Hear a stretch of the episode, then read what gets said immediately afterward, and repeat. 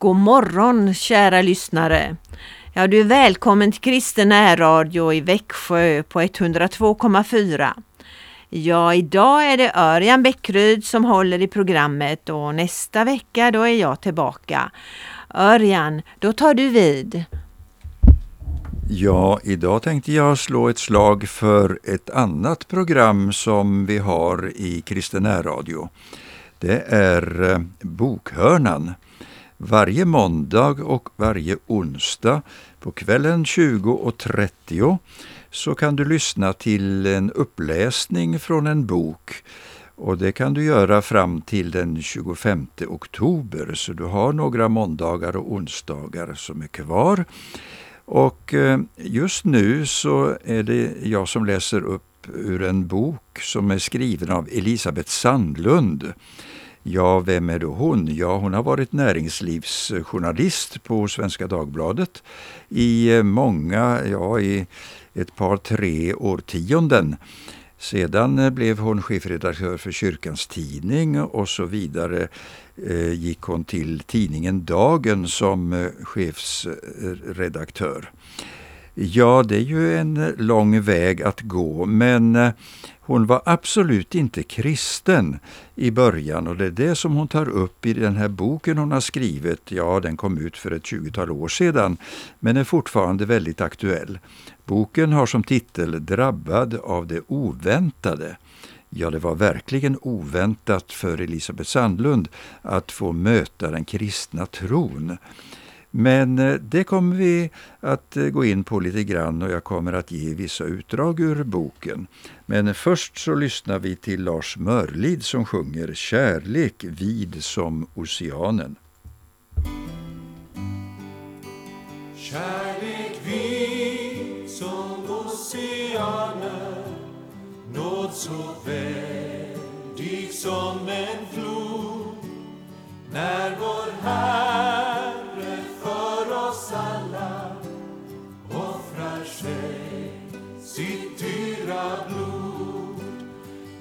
kan avstå sådan kärlek.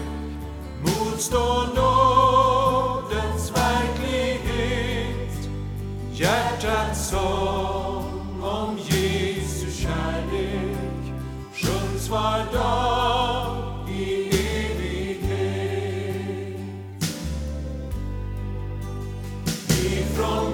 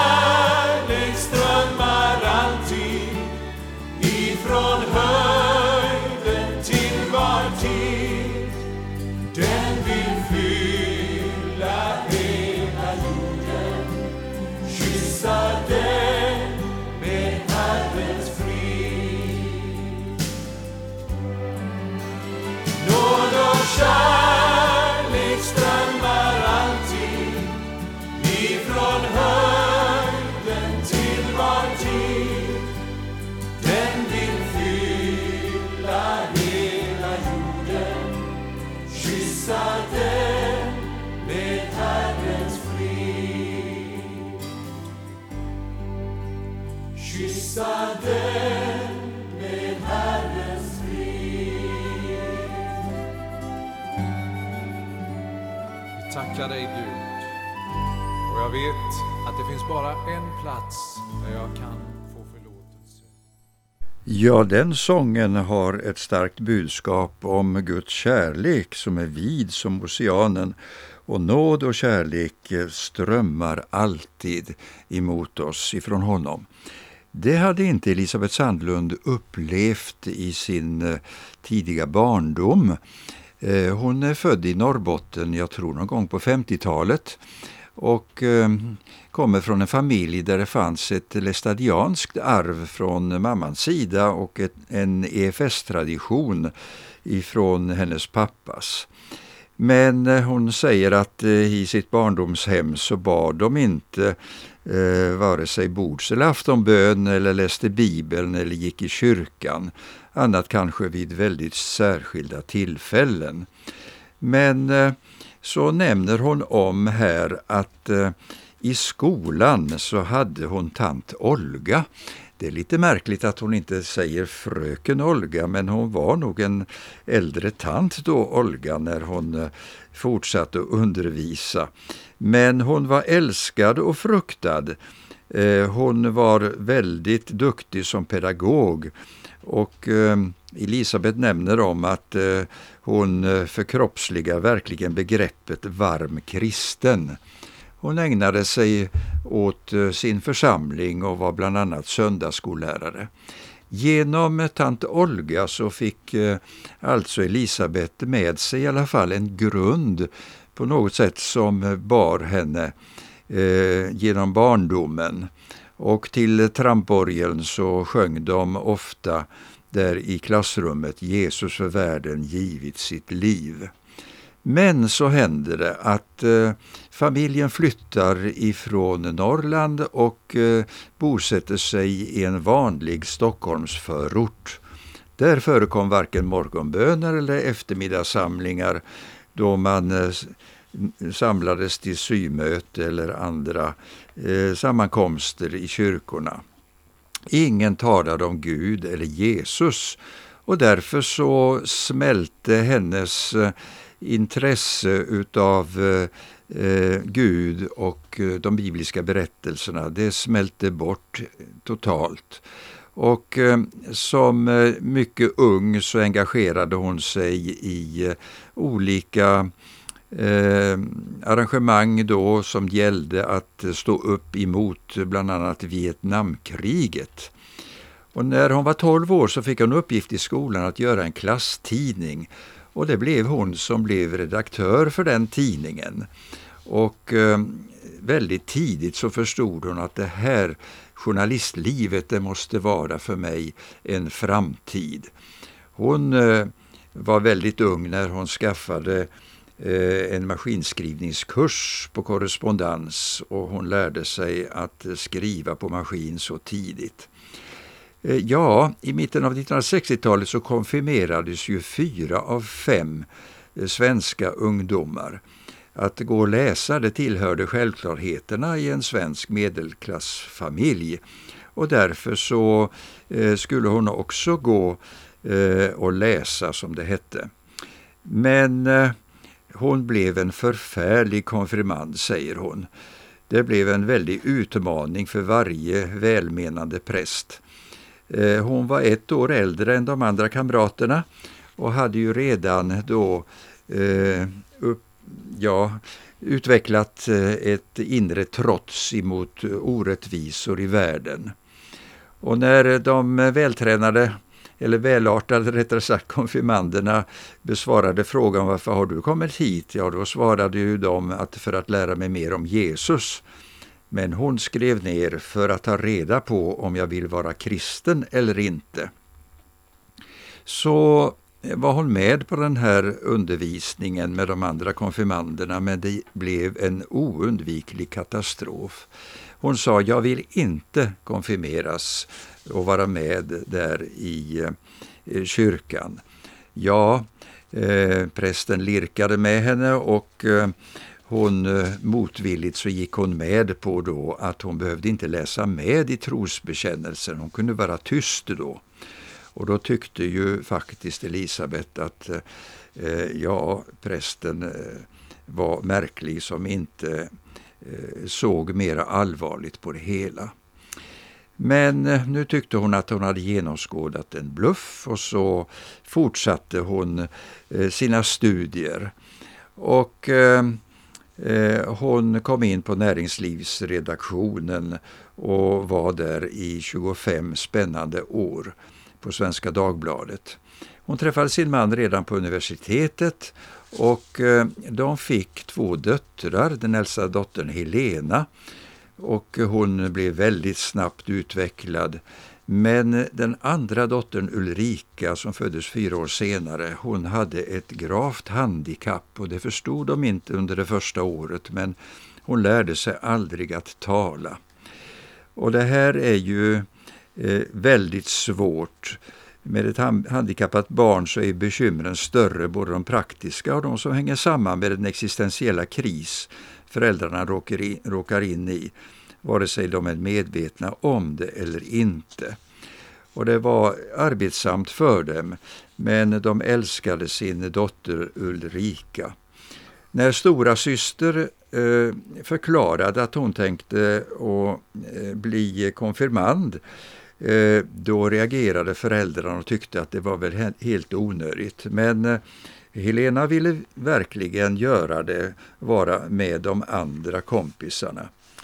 Och eh, däremot när Ulrika kom till den åldern, ja då gick hon i scouterna.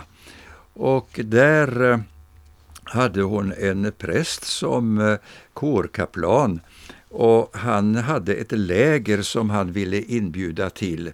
Eh, konfirmanderna skulle få vara på ön Gålö i eh, Stockholms skärgård och eh, få gå igenom där på ett läger konfirmand, konfirmandundervisningen.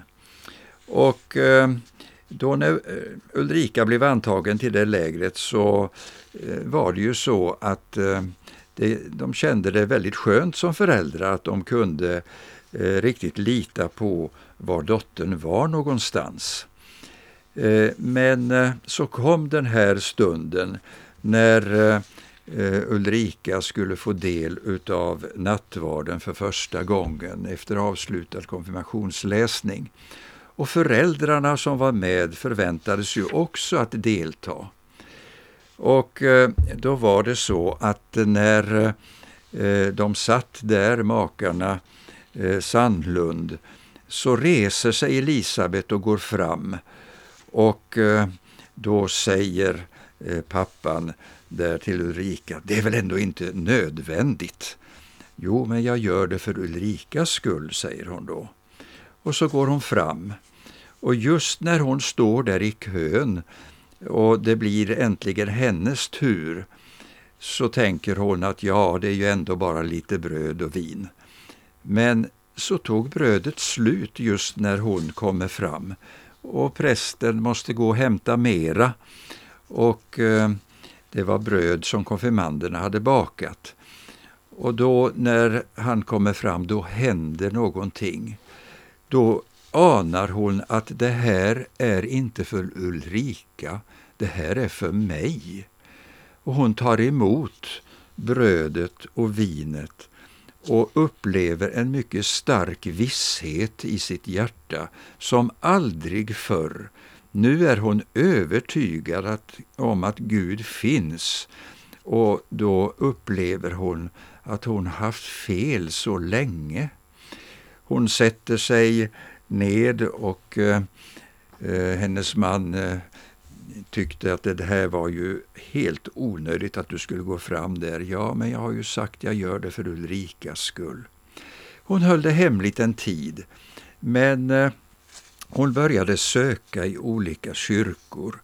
Och eh, innan vi går in på hennes eh, Eh, upplevelser, hur hon upplevde det, så ska vi lyssna eh, till den andra sången som Lars Mörlid sjunger, Mitt liv, min lovsång. För eh, Elisabeth Sandlund upplevde att lovsången började ta plats i hennes liv.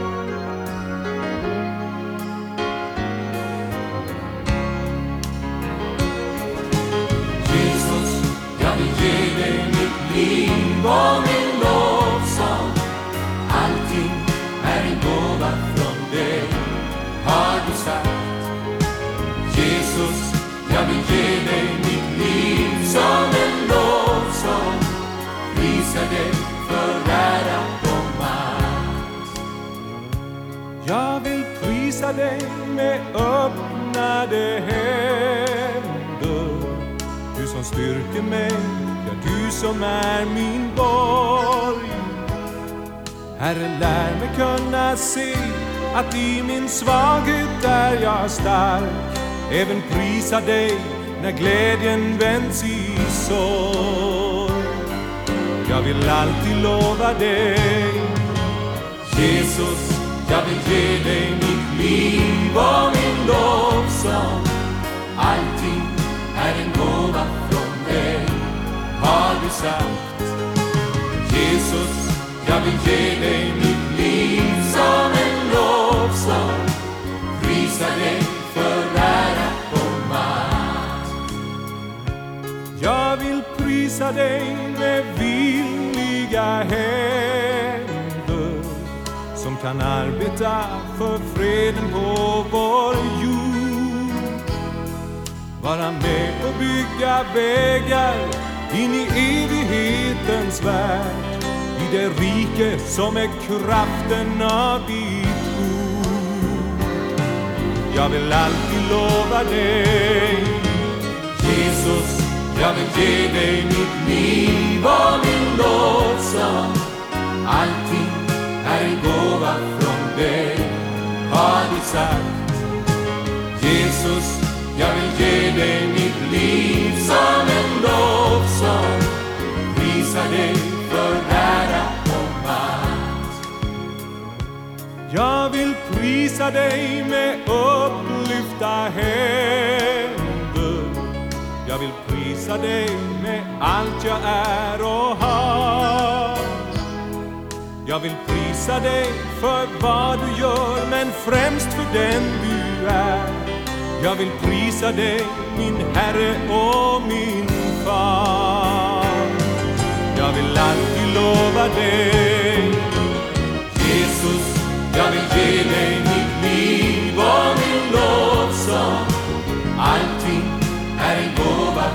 dig, har du sagt. Jesus, jag vill ge dig mitt liv som en lovsång. Prisa dig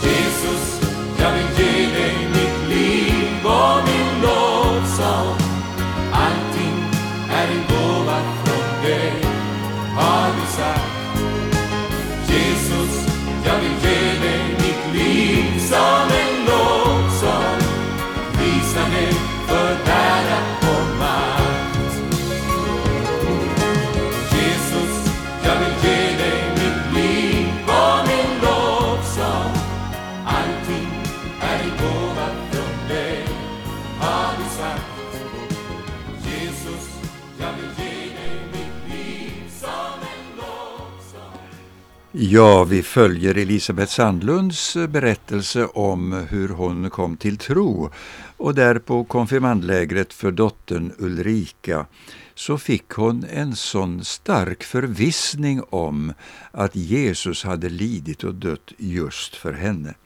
Men eh, den här lovsången som Lars Mörlid sjöng om här, den bröt inte fram med detsamma.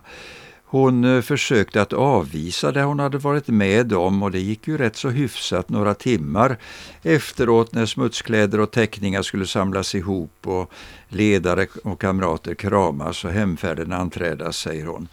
Men eh, det blev värre när natten kom. Hon eh, började verkligen att våndas över sin situation. Hennes man gav sig iväg på tjänsteresa utomlands och eh, då tänkte hon att nu måste det bli en förändring riktigt i mitt liv. Gud har på något sätt talat till mig. Eh, ja, hur skulle hon med sin hektiska tillvaro ta tid och eh, ha tid att ta fasta på detta, börja gå i kyrkan, läsa Bibeln och ändra sitt liv? Hon kanske tänkte att ja, eh, Eh, en lägligare tidpunkt kan ju infinna sig efter pensioneringen eller så. Men inte heller den här försvarslinjen höll stånd. Hon eh, eh, kände att hon var tvungen att försöka hitta en bibel. Hon hittade inte sin egen konfirmationsbibel, men där i bokhyllorna så hittade hon sin mans bibel eh, från hans konfirmation på 1960-talet.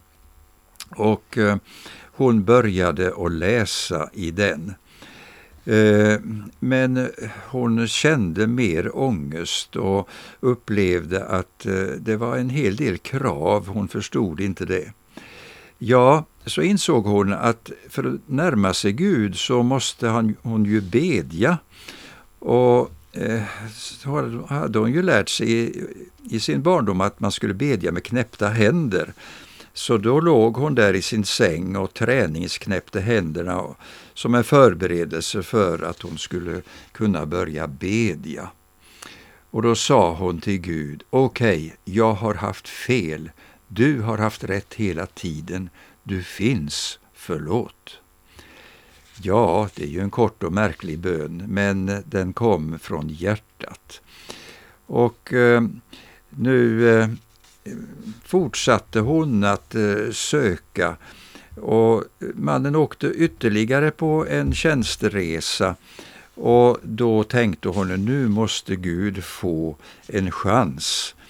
Hon eh, hade eh, läst predikoturerna som man kallar annonserna om de olika kyrkorna i Stockholmsområdet som Eh, hade gudstjänster och hon gick runt och passade på under veckokvällarna också. Och hon säger att hon höll sig strikt i Svenska kyrkans helgedomar för hon trodde sig veta att eh, risken att bli uppmärksammad var mindre där än hos andra samfund. Samtidigt så längtade hon ju så intensivt efter att komma vidare i sitt sökande. Men eh, så får hon se eh, Eh, att det finns en gudstjänst i Sankta Clara kyrka. Och det tyckte hon var så märkligt att hon hade gått runt i så många kyrkor med den här mest centrala kyrkan i Stockholm som ligger så strategiskt mellan Centralen och Åhléns. Den hade hon inte tänkt på. Så hon bestämde sig för att gå dit på en tisdagsmässa. Och eh, lägligt nog så var, hade hon sen tjänst på tidningen så hon kunde ge sig iväg dit. Och Det första som gjorde henne häpen var att det var så många människor samlade till den gudstjänsten en vanlig vardagsförmiddag i augusti. Eh, det hade ju sällan varit mer än en handfull människor i de kyrkor hon hade gått i innan.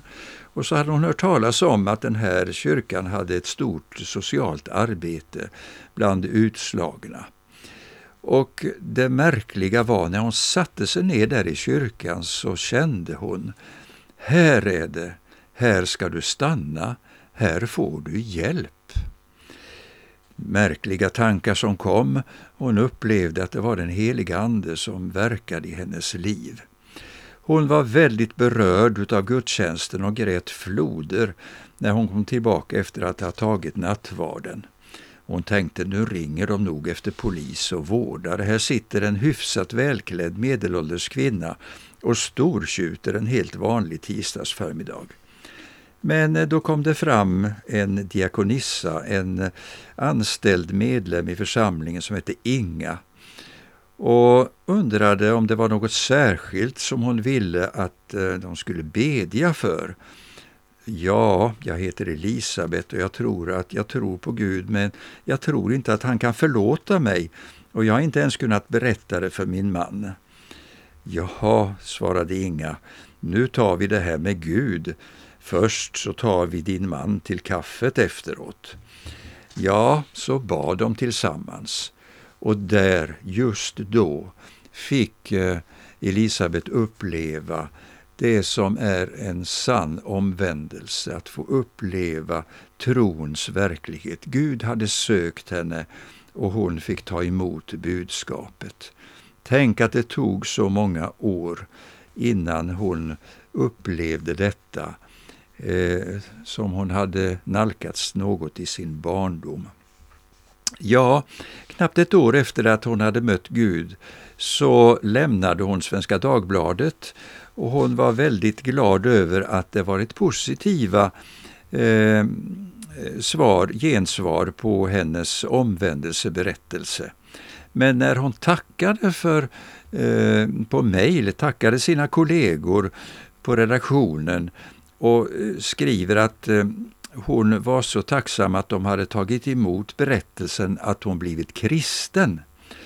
Ja, då kom det omedelbart ett väldigt starkt mejl ifrån en kollega som sa, men hur kan du påstå att du har blivit kristen?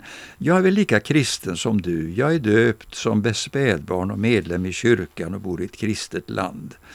Troende eller religiös kunde, kan du få kalla det, men inte kristen, ansåg han. För det är vi allihopa. Ja, då fick hon möjlighet att berätta. Och så är det att eh, många människor än idag kanske tror att eh, det här med att vara kristen, det gäller bara att eh, kanske gå i kyrkan någon gång och så vidare. Men då har hon ett väldigt intressant argument, Elisabet, när hon som apologet, alltså som försvarare för den kristna tron, berättar.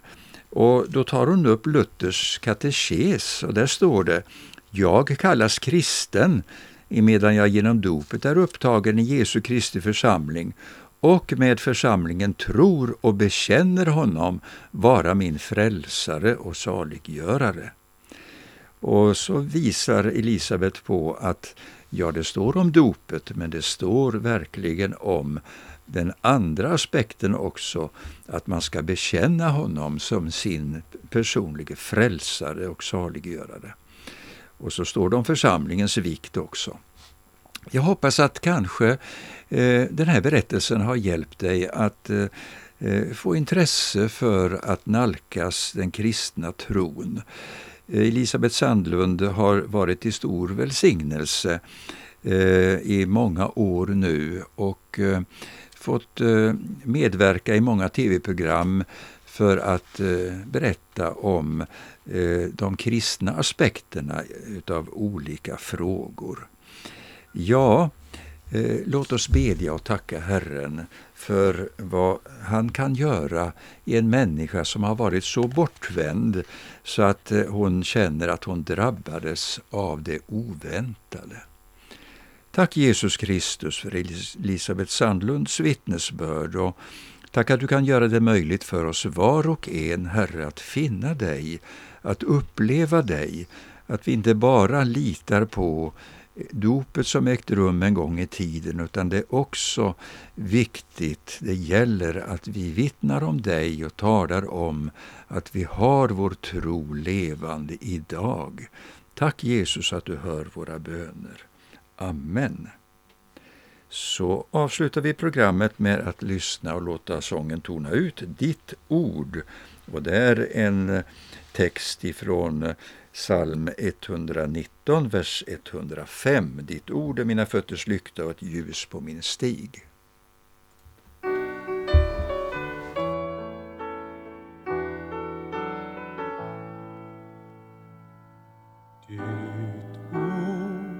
Är mina fötters lykta och ett ljus på min stig. Ditt ord är mina fötters lykta och ljus på min stig. Ja, ett ljus på min stig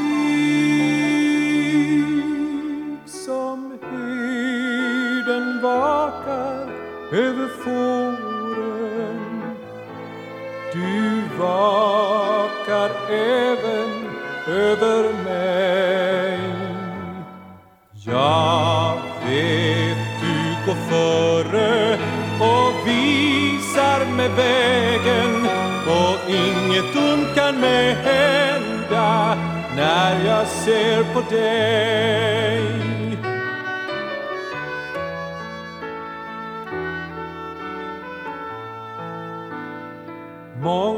Gånger har jag vandrat vilse